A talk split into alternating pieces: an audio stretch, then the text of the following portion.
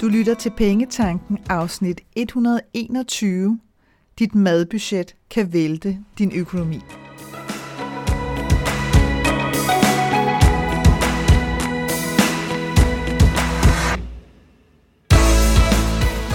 Velkommen til Pengetanken. Jeg hedder Karina Svensen.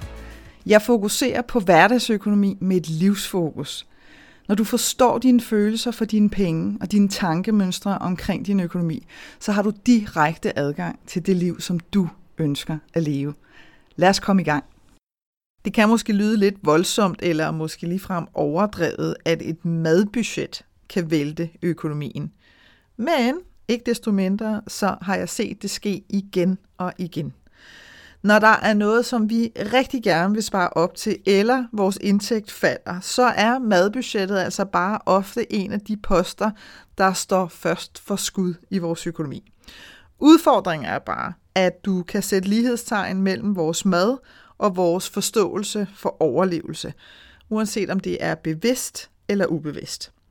Så når du skruer ned for dit madbudget, så skruer du ned for hovedblusset i din økonomi, fordi du hver eneste dag kommer til at fokusere på, hvor lidt du har at købe mad for. Når vi samtidig smider ind i mixet, at mad er den post i vores budget, der svinger allermest, så giver det lige pludselig god mening, hvor stor en betydning vores madbudget i virkeligheden spiller i vores økonomi.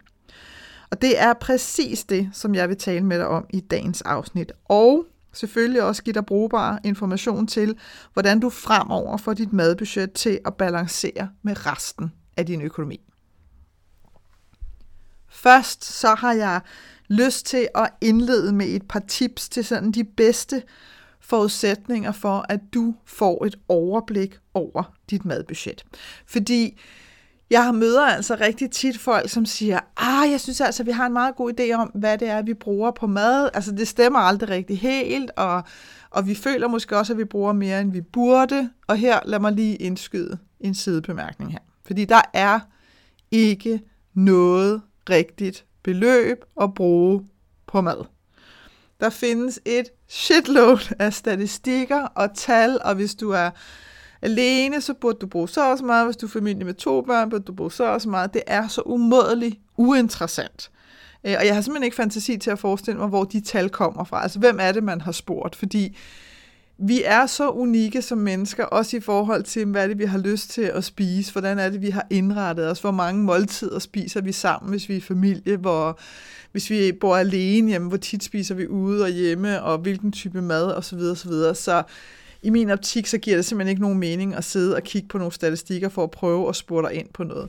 Jeg forstår godt lysten til at gøre det, fordi det kunne være så rart, hvis man ligesom havde et udgangspunkt, men vi får bare meget hurtigt forvirret os selv.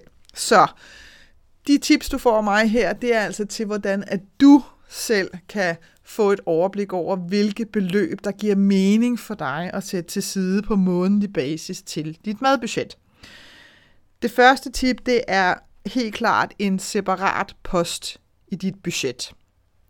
Jeg vil varmt anbefale, at du laver et budget over din økonomi, øh, og hvis du har brug for en budgetskabelon, der rent faktisk giver mening øh, og kan bruges løbende og er hvad skal man sige, en aktiv budgetskabelon, øh, Øh, som ikke bare bliver lavet en gang om året og så lagt ned i en skuffe, så kan du hente den ganske gratis inde på min hjemmeside, www.kenddinepenge.dk under det menupunkt, der hedder til dig. Du bliver tilmeldt min nyhedsbrev. Hvis ikke du har lyst til at få mails fra mig, så afmelder du dig selvfølgelig bare det igen, når det er, at du har hapset din budgetskabelon. Så altså en separat linje i dit budget, der rent faktisk siger mad, eller hvad du nu har tænkt dig at kalde det. Og her, der kan man godt blive lidt forvirret, fordi jamen, hvad så må det så ikke indeholde opvaskemiddel eller hvad? Jo, du må lade den linje indeholde, hvad der giver mening for dig. Jeg synes bare, at ordet husholdning er så umådeligt kedeligt. Det er derfor, jeg kalder det mad. Så det er jo fuldstændig op til dig, hvad det er, at du vil komme ind under den post. Det næste tip, det er en separat konto, og det gælder også, selvom at du bare er dig. Fordi det, der er fordelen ved at have en separat konto og et separat hævekort til den her madkonto, det er, at dit madbudget lige pludselig bliver meget, meget synligt for dig. Fordi du simpelthen kan se beløbet separat inde i din netbank. Så i stedet for, at det ligger og slasker rundt inde på din lønkonto, hvor du har alt muligt andet kørende, jamen så har du altså en konto for sig, hvor du kan se, nu sætter jeg det her beløb over på månedlig basis, og så er det altså også meget nemmere for dig at, sådan, at tracke dit madforbrug i løbet af måneden. Og det har ikke noget at gøre med, at du sådan skal sidde og nedstiger øh, denne her separate konto inde i din netbank hver evig eneste dag. Men hvis du for eksempel godt ved, jamen jeg har, øh, jeg har altså lyst til at handle lidt større ind i starten af måneden, det kan være, at du øh, laver, det gør jeg for eksempel, jamen så laver jeg noget, øh, jeg laver frokost til mig selv, som jeg tager ind på mit kontor. Jeg prøvede alle mulige løsninger. Der var ikke nogen, der kunne gøre det så godt, som jeg selv kunne, så derfor så tænker jeg, okay, Øh, jeg, jeg fryser simpelthen noget mad ned, og så kan jeg varme det op øh, inde på mit kontor, og så ved jeg, at jeg altid har god frokost, når jeg sidder på mit kontor. Det er ret vigtigt for mig, fordi jeg kan godt lide mad, øh, og jeg kan godt lide at spise godt og ordentligt, og jeg ved, hvad der er, jeg spiser. Så, så det har altså været den rigtige måde at gøre det på for mig. Det betyder også, at i starten af måneden, jamen, så køber jeg måske lidt større ind, end jeg så gør de efterfølgende uger, fordi så laver jeg simpelthen øh, den her frokost til de dage, jeg nu skal være på kontoret den måned. Så på den måde, så er det ikke nødvendigvis sådan, at hvis du sætter et beløb bag, lad os nu sige, at du satte 4.000 af, at du sådan kunne sige, nu er der gået en uge, og jeg har brugt øh, 1.500, så har jeg allerede brugt 500 for meget. Hvis nu jeg skulle dele med fire for de fire uger i måneden, så burde jeg kun have brugt 1.000. Sådan fungerer det jo ikke, fordi du kender bedst selv dit eget handlemønster. Det kan sagtens være, at du har brugt 2.000 kroner den første uge. Men hvis du godt ved med dig selv, jamen her, der har jeg faktisk købt øh, til 14 dage, eller til tre uger, og så spæder jeg bare lige op i løbet af måneden med, hvad jeg ellers den går og mangler, jamen så er det fint nok. Men en separat konto giver dig bare muligheden for at se løbende, hvad er det, du har brugt på mad. Og det giver bare rigtig god mening øh, i forhold til at holde tingene adskilt, fordi, som sagt, at, at vores madforbrug faktisk er den post, der svinger allermest i vores økonomi. Så er det også vigtigt, at du får defineret, hvad betyder med? Altså forstået på den måde, at det beløb, som du sætter over på den her separate konto, og som du også giver en separat linje i dit budget, hvad ligger der inde i det beløb? Skal det beløb være inklusiv cafébesøg, middag ude, takeaway osv., eller er det kun det, som du køber og kommer ind i dit køkken? For eksempel altså ind i dit køleskab og ind i dine skabe og skuffer og alt sådan noget. Øh, der er ikke noget, der er rigtigt eller forkert igen overhovedet. Du skal bare vide, hvad det indeholder, sådan så at du ligesom får justeret beløbet i forhold til, hvad det er, du mener, at det ligesom skal kunne klare. Personligt vil jeg holde øh, sådan noget som cafébesøg og middag ude og sådan noget ude af mit madbudget, fordi medmindre at du har sådan en rimelig fast øh, rytme med, hvor tit du gør det, så kan det variere rigtig meget. Så det vil jeg øh, Øh, selv lægge ind sådan i min egen lommepenge, og så må jeg ligesom selv holde styr på at, at, have, at have penge til det. Øh, eller en helt anden opsparingskonto, hvis det er, at du har lyst til at have sådan en, hvor du bare høvler penge over på, som du sådan kan hapse fra imellem. Det er en smagssag. Det er bare mig. Hvis du har lyst til at lægge det ind på dit madbudget, så gør det for guds skyld. Bare du får defineret over for dig selv, hvad indeholder det her beløb? Hvad skal det her beløb betale for? Og det samme gælder jo også netop med sådan noget opvaskemiddel og shampoo og alt sådan noget, jamen hvis det er cool for dig, at alt det ligger inde i det beløb, så er det mega godt. Det er så fint, bare du får defineret det over for dig selv en gang for alle. Så altså en separat post i dit budget, en separat konto og en klar definition over for dig selv, hvad skal de her penge betale for i løbet af en måned. Og lad os nu forudsætte, at nu har du fået fuldstændig styr på de her ting, så kunne man jo godt sidde og tænke, yes, yes, så er jeg kørende, og så er alt bare i orden, og så behøver jeg ikke gøre noget ved det, eller mere ved det. Men nej, fordi alt for tit, så får vi enten sat vores madbudget alt for lavt, og så er vi nogle banditter, så vi får dømt os selv til at være dybt uansvarlige, når det er, at vi har brugt hele beløbet på 10 dage. Og det er ret interessant at se på, hvordan at vi som voksne mennesker har umådelig lidt tålmodighed med os selv i en læringssituation. Altså, hvis vi som børn, babyer, havde haft den samme tålmodighed, så havde vi stadigvæk ikke lært at gå og tale. That's for sure. Fordi det er som om, at vi som voksne, så skal vi sådan nærmest næle den første gang.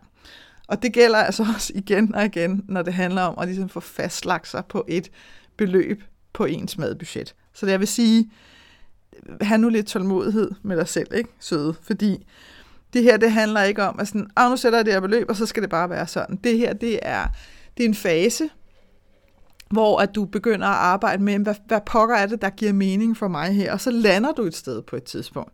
Så der sker nemlig tit det, at når vi så sætter det her beløb alt for lavt, at vi har oftest en tendens til at sætte det alt for lavt til at starte med, jamen så er det, at vi begynder at sidde og pege fingre os selv allerede. Det kan også være, at vi får sat det for højt.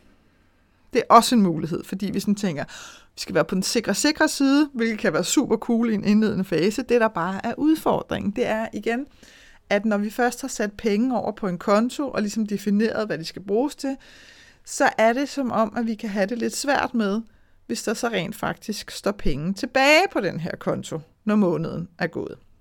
Så det, der ofte sker, hvis vi får sat et for højt beløb til side, det er, at vi nu begynder at gå og købe ligegyldige ting. Altså, sådan ikke noget, hvor vi sådan tænker, wow, det er mega fedt, eller det her, nu laver vi en eller anden speciel ret, eller nej, nej, så begynder vi at fylde alt muligt knald ind i vores indkøb, fordi nu er pengene jo sat af til det, så kan vi lige så godt bruge dem. Det er simpelthen som om, at vi ikke får adskilt tingene så meget som til at sige, det her det er jo mine penge. Så for eksempel gør jeg det, når jeg har overskud på min madkonto, og det sker indimellem. Jamen så har jeg en øh, opsparingskonto, øh, som er sådan en konto, jeg må bruge til, hvad jeg har lyst til. Så sætter jeg simpelthen overskud derover. Øh, det gør jeg nogle gange. Nogle gange så sætter jeg det over på en ferieopsparing. Det bestemmer jeg sådan lidt fra måned til måned, hvis der er overskud. Og det er ikke hver måned, der er overskud. Men hvis der er overskud, så flytter jeg dem simpelthen, øh, pengene. Og hvornår flytter jeg dem? Jamen det gør jeg, hvis der er mere end et par hundrede kroner i overskud, faktisk i virkeligheden. Og det er egentlig mere fordi, at, øh, at ellers så ved jeg også med mig selv, altså jeg er jo ved Gud også bare menneskelig, at hvis jeg lader, den der, hvis jeg lader de der beløb blive stående, der sådan, så der lige pludselig måske står 1000 kroner mere, jamen så er jeg ikke en skid bedre end alle andre, og så begynder jeg også at købe alt muligt ekstra knald, som er ret ligegyldigt, men når ja, pengene er der jo, og vi mangler dem jo ikke, og så videre. Men, men slask og sløs med, med dine penge, øh, det er det jo, uanset om de kommer fra en madkonto, eller hvor filerne de kommer fra, og det er bare lidt åndssvagt. Så det er altså bare lige ting at være opmærksom på, afhængig af, hvad du godt kan mærke, at der ligesom har været et mønster hos dig så er der de her situationer, hvor at du har lyst til at spare op til noget. Det kan være, at du ligesom tænker, nu sætter jeg mig altså for, at nu vil jeg det her. Så du laver en opsparingskonto, en separat opsparingskonto, og så skal du jo have kigget dit budget igennem, fordi det er ikke sikkert, at du tjener flere penge, eller har mulighed for at tjene flere penge, så der er ligesom noget, der må, der må skæres ned på. Og der er det sindssygt fedt at have sit budget. Altså, fordi det er meget nemmere at sidde der og kigge og sige, okay, er der noget her, som jeg åbenlyst faktisk ikke bruger, som jeg går og betaler til, eller er der noget, som jeg er villig til at undvære en vis periode, indtil jeg har fået sparet det her beløb op. Det er altså noget nemmere, når tingene står i et budget. Det jeg bare har lagt mærke til, og som jeg også kunne se, at der var øh, adskillige af mine tilskuere på min foredrag her efteråret, som øh, nikkede genkendende til, det er, at det er som om, at en af de første steder, vi zoomer ind på, er vores madbudget. Og så sker der det her højst mærkværdige, hvor at, øh, lad os nu sige, at du har besluttet dig for et beløb til dit madbudget, og det går sådan set faktisk meget godt. Det stemmer faktisk meget godt. Lige pludselig så får du besluttet dig for, jeg kan godt leve for det halve. Det kan jeg godt. Altså, det gælder om at blive smart og lave madplaner og bla bla, men så kan jeg sagtens leve for det halve, fordi så har jeg øh, de penge, jeg gerne vil have til at spare op for. Øh, det, det sker mere end ofte, når man siger det sådan. Øh, og, og det er bare, altså på en eller anden måde, så bliver vi sådan jubeloptimister, når det er, vi, vi, vi laver den der beslutning, fordi det vi tænker, det er, at altså, man kan sige, en ting er, hvis du i en måned har brug for lige lidt ekstra penge, så kan vi leve med meget, og vi kan lære at leve med, du ved, pasta og ketchup, det gør vi trods alt, eller nogen af os gjorde, inklusive mig, da man var elev øh, Øh, flere dage om ugen, og det gik fint, det døde man ikke af. Men det her med at tro, at man i en lang periode lige pludselig, lige pludselig, øh, vil synes, at det er super fedt at, at leve for det halve, bare fordi, at du nu har besluttet dig for at lave en opsparing. Det er altså ikke nødvendigvis sådan, det hænger sammen. Og der sker altså også noget med os, når det er, at vores madbudget enten er sat for lavt, eller at vi begynder at skære voldsomt i det, fordi så så sker der rent faktisk en anden kobling, end vi måske lige har tænkt over, som har en ekstrem stor indflydelse på vores økonomi. Og det, der sker, det er, at hos os, der er mad lige med overlevelse. Hvilket jo absolut heller ikke er et dårligt regnstykke overhovedet, fordi vi er nødt til at have mad for at overleve. Så når vi begynder at begrænse vores midler til overlevelse, så risikerer vi altså, at vi sætter os selv i en tilstand af et konstant fokus på mangel. Så du kan godt se, hvad der måske startede med, at Nå, jeg har bare lyst til at spare nogle penge op til noget, jeg virkelig godt kunne tænke mig. Der lander du lige pludselig i det her fokus af mangel, fordi lige pludselig så har du fået skåret så dramatisk i dit madbudget, at du faktisk nærmest ikke har givet dig penge til at leve for, eller i hvert fald meget, meget få penge at leve for. Og når vi har fokus på mangel, så begynder vi at blive nervøse for at bruge vores penge. For hvad nu, hvis der sker noget uforudset, og pengene slipper op? Altså vores, vores verden og vores tanker bliver simpelthen meget, meget små, i takt med, at dit madbudget er blevet meget, meget mindre. Så vi begynder at forestille os alle mulige scenarier. Du ved, bilen går i stykker lige pludselig, og den, har den ikke også sagt mærkelige lyde? Der er et vindue, der punkterer, der kommer vand i kælderen. Hvad nu end, at vi kan finde på at skrækscenarier. De begynder altså at pible op til overfladen, og det gør de alene, fordi at vi lige pludselig sender vores energi i retning af, at vi mangler. Og den eneste grund til, at vi sender vores energi i retning af, at vi mangler, det er, fordi vi har skåret vores madbudget så langt ned, at det rent faktisk ikke giver mening i forhold til at have en, en, en rimelig okay hverdag, hvor vi rent faktisk kan lave noget forskelligt med. Så du kommer altså til at snurre dig selv ned i et hul. Og det hul, det kan blandt andet også betyde, at du googler alverdens sparetips og madplaner, og måske så melder du dig ovenikøbet ind i diverse Facebook-grupper, eller begynder at følge profiler på Facebook, hvor at, at alt går ud på at bruge så lidt som overhovedet muligt. Og når du udøver de her tendenser med udgangspunkt i en følelse af mangel, så kommer du bare til at understøtte præcis den følelse endnu mere, nemlig at du mangler. Så jeg ved ikke, om du kan føle, hvor hurtigt det kan gå, men det går altså sindssygt stærkt på, at du havde bare lyst til øh, måske at spare op til noget, og nu sidder du her med en følelse af, at jeg har faktisk ikke nogen penge. Jeg har faktisk råd til noget som helst. Hvilket ikke er rigtigt, men du har bare fået øh, misplaceret, er det overhovedet et ord, dine penge, fordi at du var utålmodig og havde en lyst til at spare op og tænkte, det er simpelthen madkontoen, at de penge skal komme fra. Og så stoppede du, ligesom i din kreativitet med, kunne mine penge komme et andet sted fra, fordi jeg har faktisk ikke lyst til at snurre mig selv ned i det hul. Og det er derfor, jeg siger det til dig, fordi ofte så er det noget, vi ikke er opmærksom på. Og den eneste grund til, at jeg er opmærksom på det, det er, fordi jeg har været der, og jeg har været der masser af gange. Og når jeg har været i situationer tilstrækkeligt mange gange, så bliver jeg simpelthen så skidetræt af at sidde i dem, at jeg begynder at interessere mig for, hvor startede det her henne. Og så må jeg jo tilbage, ikke? så må jeg jo sådan ligesom følge det der røde garnnøgle bagud og finde ud af, hvad pokker var det, der ligesom startede hele den her ballade. Men så kan man sige, okay, nu står vi så det, har fået snurret selv ned i det der hul, med pokker er så løsningen?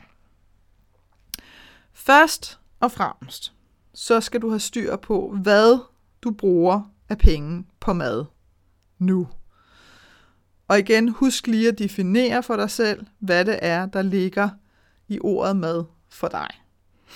Hvis du lige nu sidder og tænker, at jeg har ikke en fløjtende fis idé om, hvad jeg bruger på mad, så kan jeg berolige dig med, at det har de færreste i virkeligheden. Der er nogen, der har en forestilling om det, og den forestilling, den passer meget sjældent. Øh, og som ofte så har man sat det forestillede beløb meget, meget lavt. Meget, meget lavt. Alt for lavt. Ofte øh, fordi at man tænker, det er pinligt, hvis vi bruger mere end det her. Og så er vi allerede igen ude på et andet sidespor. Ikke? Så jeg vil sige til dig igen, hvis du sidder og tænker, no idea, så bare rolig. Der er råd for det, vi finder ud af det sammen, men du er bestemt ikke den eneste. Den korteste vej til at spore dig ind på et månedligt beløb til mad, det er ved at udstyre dig med følgende din netbank, et stykke papir og noget at skrive med. Og inden at du går videre her, så har jeg lyst til at minde dig om, at følgende øvelse ikke handler om at dømme dig selv, eller prøve at argumentere for, hvor meget du har brugt, og hvorfor. Fordi det er rigtig, rigtig tit det, jeg oplever hos mine kunder. Når de begynder at kigge på de her ting, så bliver det sådan lidt, holy shit, det er så vildt, at jeg synes, at det er pinligt. Så nu skal jeg altså prøve, men det var også fordi, og det var også fordi, og det var også fordi. Det er fuldstændig fløjtende ligegyldigt. Du bliver nødt til at prøve at se, om du ikke kan isolere dine følelser lidt i den her proces, i den her øvelse, og sige, lige nu, der går det ud på at finde ud af, at udføre den her øvelse, som jeg fortæller dig om lige om lidt. Og så tager vi den derfra. Så det er bare for at sige, lad være med at og begynde at sidde og tæv dig selv, uanset hvad du finder ud af. Øvelsen er alene for at hjælpe dig på vej til at finde et beløb til mad, der hænger sammen for din fremtidige øh, madbudget og madplaner, og hvad du nu end har tænkt dig. Og igen har jeg lige lyst til at sige her en lille sidebemærkning. Hvis du elsker sparetips, hvis du elsker madplaner, for guds skyld gør det. Hvis du sidder og tænker, jeg vil hellere øh, skære hånden af mig selv, end at følge en madplan, så er det også super fint. Du skal bare have fundet et madbudget, som rent faktisk balancerer for dig. Så den øvelse, som kan give dig et svar, du kan tage udgangspunkt i i hvert fald, det er simpelthen at gå ind i, hvad jeg sådan kunne kalde Sherlock Holmes-mentaliteten. Nu har du altså udstyret dig med din netbank, du har udstyret dig med øh, noget at skrive ned på, og noget at skrive ned med. Så det du gør nu, det er, at du går ind i din netbank, og så går du tre måneder tilbage. Og så gennemgår du simpelthen posterne indtil du rammer en post, hvor du ved, at ah, det her det var mad, det her det var mad, og så skriver du beløbene ned. Og det gør du for de sidste tre måneder. Og jeg er fuldstændig ligeglad, om du lytter til det her afsnit i midten af en måned. Du går bare tre måneder tilbage. Det kan være midten af en måned for tre måneder siden. Det er fuldstændig ligegyldigt. Bare du tager en periode på tre fulde måneder. Og når du har skrevet de beløb ned og regnet det sammen, så du har et samlet beløb, så deler du det beløb med 3. Fordi så har du et beløb for en måned. Og det her beløb, du ender ud med, husk nu på, det er et udgangspunkt for dit månedlige madbudget. Vær indstillet på at justere dit månedlige madbudget et par gange hen over de næste par måneder, fordi lige nu, der opererer du bare med sådan dit absolut bedste gæt, baseret på de sidste tre måneder. Men det er den bedste mulighed, du har for at snurre dig ind på et eller andet. Øh, og når jeg ser, altså det er ret interessant, fordi når jeg ser opslag på de sociale medier med argumenter for, hvorfor nogen har overskrevet deres budget en måned. Der er sådan flere profiler, øh, som kan være super interessante at følge, og specielt for sådan en som mig, der nørder i det, men øh, hvor, hvor de ligesom har sat sig selv et budget, og så prøver de jo for alt i verden at overholde det her. Så er nogle af de argumenter, som jeg ofte ser, altså nogle af de udgifter, der kan være årsag til de her overskridelser, det er for eksempel madbudgettet. Og så kan det være sådan noget med sådan en bitekst af, at vi orkede simpelthen ikke at lave mad, fordi børnene har været syge, eller vi arbejder rigtig meget, så det blev altså takeaway i stedet for. Og det koster jo mere, og derfor så overskrevet vores budget. Det kan også være fødselsdage, så er sådan et, at de skal jo altså fejres, og sådan er det, og man skal også leve livet, og så derfor så blev, du ved, månedens budget overskrevet den måned. Og så er det tøj. Ah, vi købte lige lidt mere, fordi nu er det jo tilbud, eller Black Friday, eller udsalg, eller hvad pokker nu kan være. Så derfor så købte vi lige lidt mere. Det er typisk de udgifter, som, som folk omtaler, når deres budget overskrides. Altså mad, fødselsdag og tøj. Og til det, der har jeg bare lyst til at sige, der er ikke en fløjtende fis galt med takeaway. Jeg elsker at benytte mig af det selv. Det ville bare være så uendelig meget federe, hvis det var noget, vi gjorde af lyst, i stedet for at bilde os ind, at det var noget, vi gjorde af nød, fordi åh, nu er det blevet sent, og vi har arbejdet meget og længe, så nu er vi nødt til bare at købe et eller andet. Og er det ikke interessant som, at vi er nødt til bare at købe et eller andet, aldrig rigtig er lige med, så derfor så kører vi i Netto og køber en stang råbrød og noget pålæg, og så er det det, vi spiser det er jo, det er jo aldrig det takeaway er, vel? Altså, og, og er det ikke lidt mærkeligt i virkeligheden? Fordi det tager ikke sønderrivende meget længere tid at handle i Netto, vel? Beløbet vil være noget helt andet. Så der ligger altså noget andet og mere i det, når det er, at vi siger, at vi bliver nødt til at købe takeaway. Og nu, og nu kan jeg sådan mærke, at jeg lige har lyst til at blive en lille bitte smule spids, så nu er du advaret, fordi vi er aldrig nødt til noget som helst, når det kommer til vores penge andet end måske at være nødt til at acceptere, at det altså er os, der beslutter, hvad vi vælger at bruge pengene på. Og jeg ved godt, at en argumentation kunne være, ah, at der er simpelthen så meget kø i Netto lige nu. Jeg ved ikke, om du kan mærke dem. Det holder sgu ikke helt vel i forhold til. Så jeg synes, det kunne være så fedt, hvis takeaway ligesom kunne blive noget, vi forkælede os med, i stedet for, at det blev sådan en dårlig undskyldning for, at vi ikke orkede at lave mad. Fordi i al beskedenhed, så har vi jo altså mulighed for at udstyre vores køkken med madvarer, som holder længe, og som vi nemt kan nappe, hvis det er, at vi netop ikke lige står og orker og røre i gryder og snitte kreative anretninger, hvilket jeg, fuld forståelse, eller hvilket jeg har fuld forståelse for. Øhm, og jo, har jeg lyst til at sige, at man må rent faktisk gerne spise havregryn, eller robrødsmadder til aftensmad. Altså det er muligt. Der, der er ingen, der dør af at gøre det i ny og næ. Hvis man så tager den her med fødselsdagene, øh, så synes jeg, at det er ret skørt at blande fødselsdag ind i det månedlige madbudget. Fordi fødselsdage jo trods alt kun sker en gang om året for den ene person.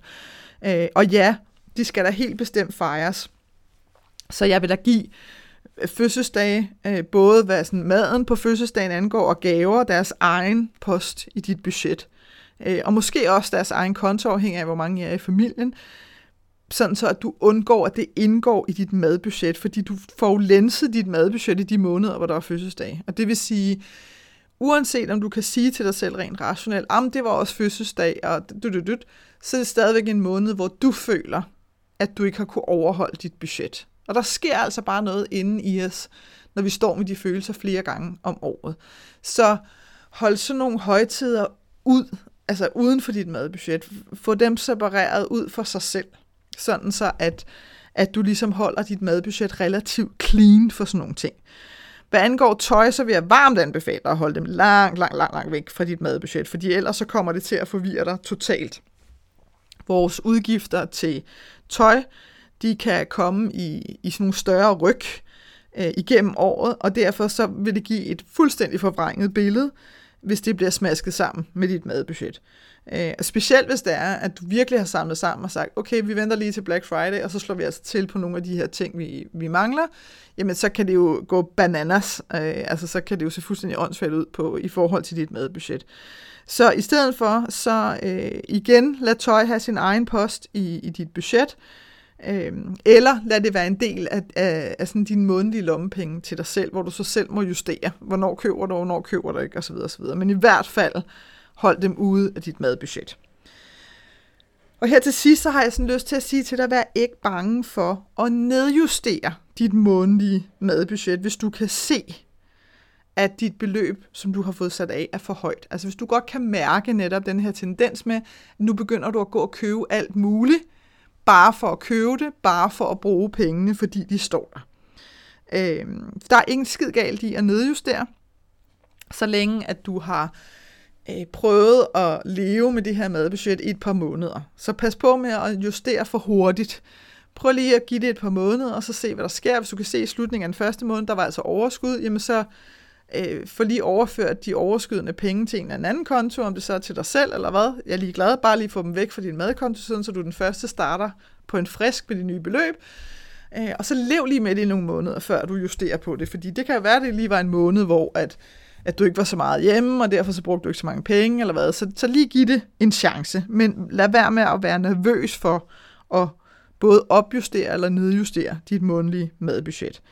Vi, kan, vi, har sådan en, øh, vi har sådan en ret interessant øh, tendens til at komme til at få sådan ret smalt fokus øh, i vores økonomi, når først vi ligesom har besluttet os for noget.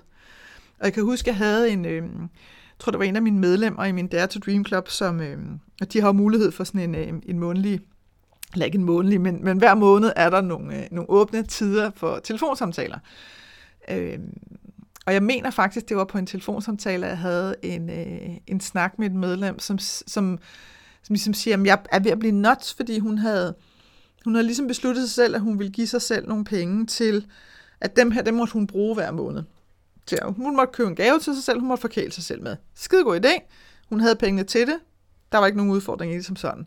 Det, der blev udfordringen for hende, det var, at hun nærmest følte sig presset til at købe noget, også selvom der ikke lige var noget, hun havde lyst til at købe den måned, fordi nu havde hun jo for fileren sat de her penge af til det, så nu skulle de også bare bruges. Og det er præcis det, der kan ske med os, altså, og det kan altså også ske med dit madbudget. Altså det her med, nu har vi sat de her penge af, så skal de også bruges. Så jeg siger det til dig, sådan, så du ved det, og sådan, så din underbevidsthed nu er opmærksom på, at, at sådan fungerer det jo ikke, fordi alle dine penge er dine penge. Dem kanaliserer du ud på nogle forskellige konti, du bruger dem til at betale nogle forskellige regninger med, men de indgår altså i den samlede totale sum. Så bare fordi, at nogle af pengene står på en separat konto, så er det ikke ens betydende med, at du ikke kan overføre fra den konto, hvis det er, at når jeg brugte sørme ikke dem alle sammen, så foretager jeg altså nogle justeringer. Det er der intet galt med. Men vi kan altså som sagt bare komme til at få sådan et meget, meget smalt fokus, og ligesom sige, det er sådan, det er. Se hellere på din økonomi som sådan en naturlig del af din verden med, med en smidighed og en fleksibilitet, som giver dig mulighed for at tilpasse dig de her forskellige livssituationer, du går igennem. Så, så også det her med virkelig at holde fast i, at det er ikke et nederlag, øh, det er ikke en fiasko, når du begynder at gå ind og justere på din økonomi. Jeg gør det løbende efter behov, som en helt, helt naturlig del af, af mit liv. At hvis der er noget, jeg har opnået, eller noget, hvor jeg kan se, åh, oh, nu kommer jeg til at, nu kører jeg for eksempel rigtig meget i min bil lige for øjeblikket, øh, og måske også mere, kommer måske til at gøre det mere her over det næste stykke tid, jamen så ved jeg, at oh, så skal jeg altså lige have omjusteret øh, de forskellige beløb til nogle opsparingskontoer, og min, min bilopsparing, som sørger for, at der er penge til service osv., fordi så skal jeg måske til et ekstra servicebesøg, for eksempel. Det er bare for at give et eksempel. Og jeg har ikke nogen sådan, øh, holdning til, uh, det er da ganske forfærdeligt, og jeg er nødt til at gøre det eller noget som helst. Nej, fordi det er sådan en accept af, det er sådan, det er. Jeg ved, at jeg kommer til at gøre det her, så derfor så kan jeg lige så godt øh, begynde at smide nogle flere penge over her, sådan, så der rent faktisk er penge til det, når de skal bruges. Så det er bare for at sige, at det er fuldstændig naturligt at gøre det.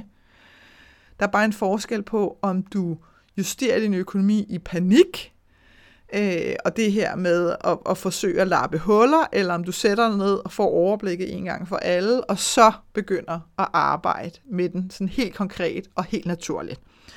Og hvis du har brug for hjælp til det, fordi for nogen øh, er der sidder og lytter med, kan det godt være, at I tænker, wow, altså lige nu der sidder jeg måske og føler, at jeg ikke har super godt overblik over min økonomi, eller der er måske kun få dele af min økonomi, jeg har et overblik over.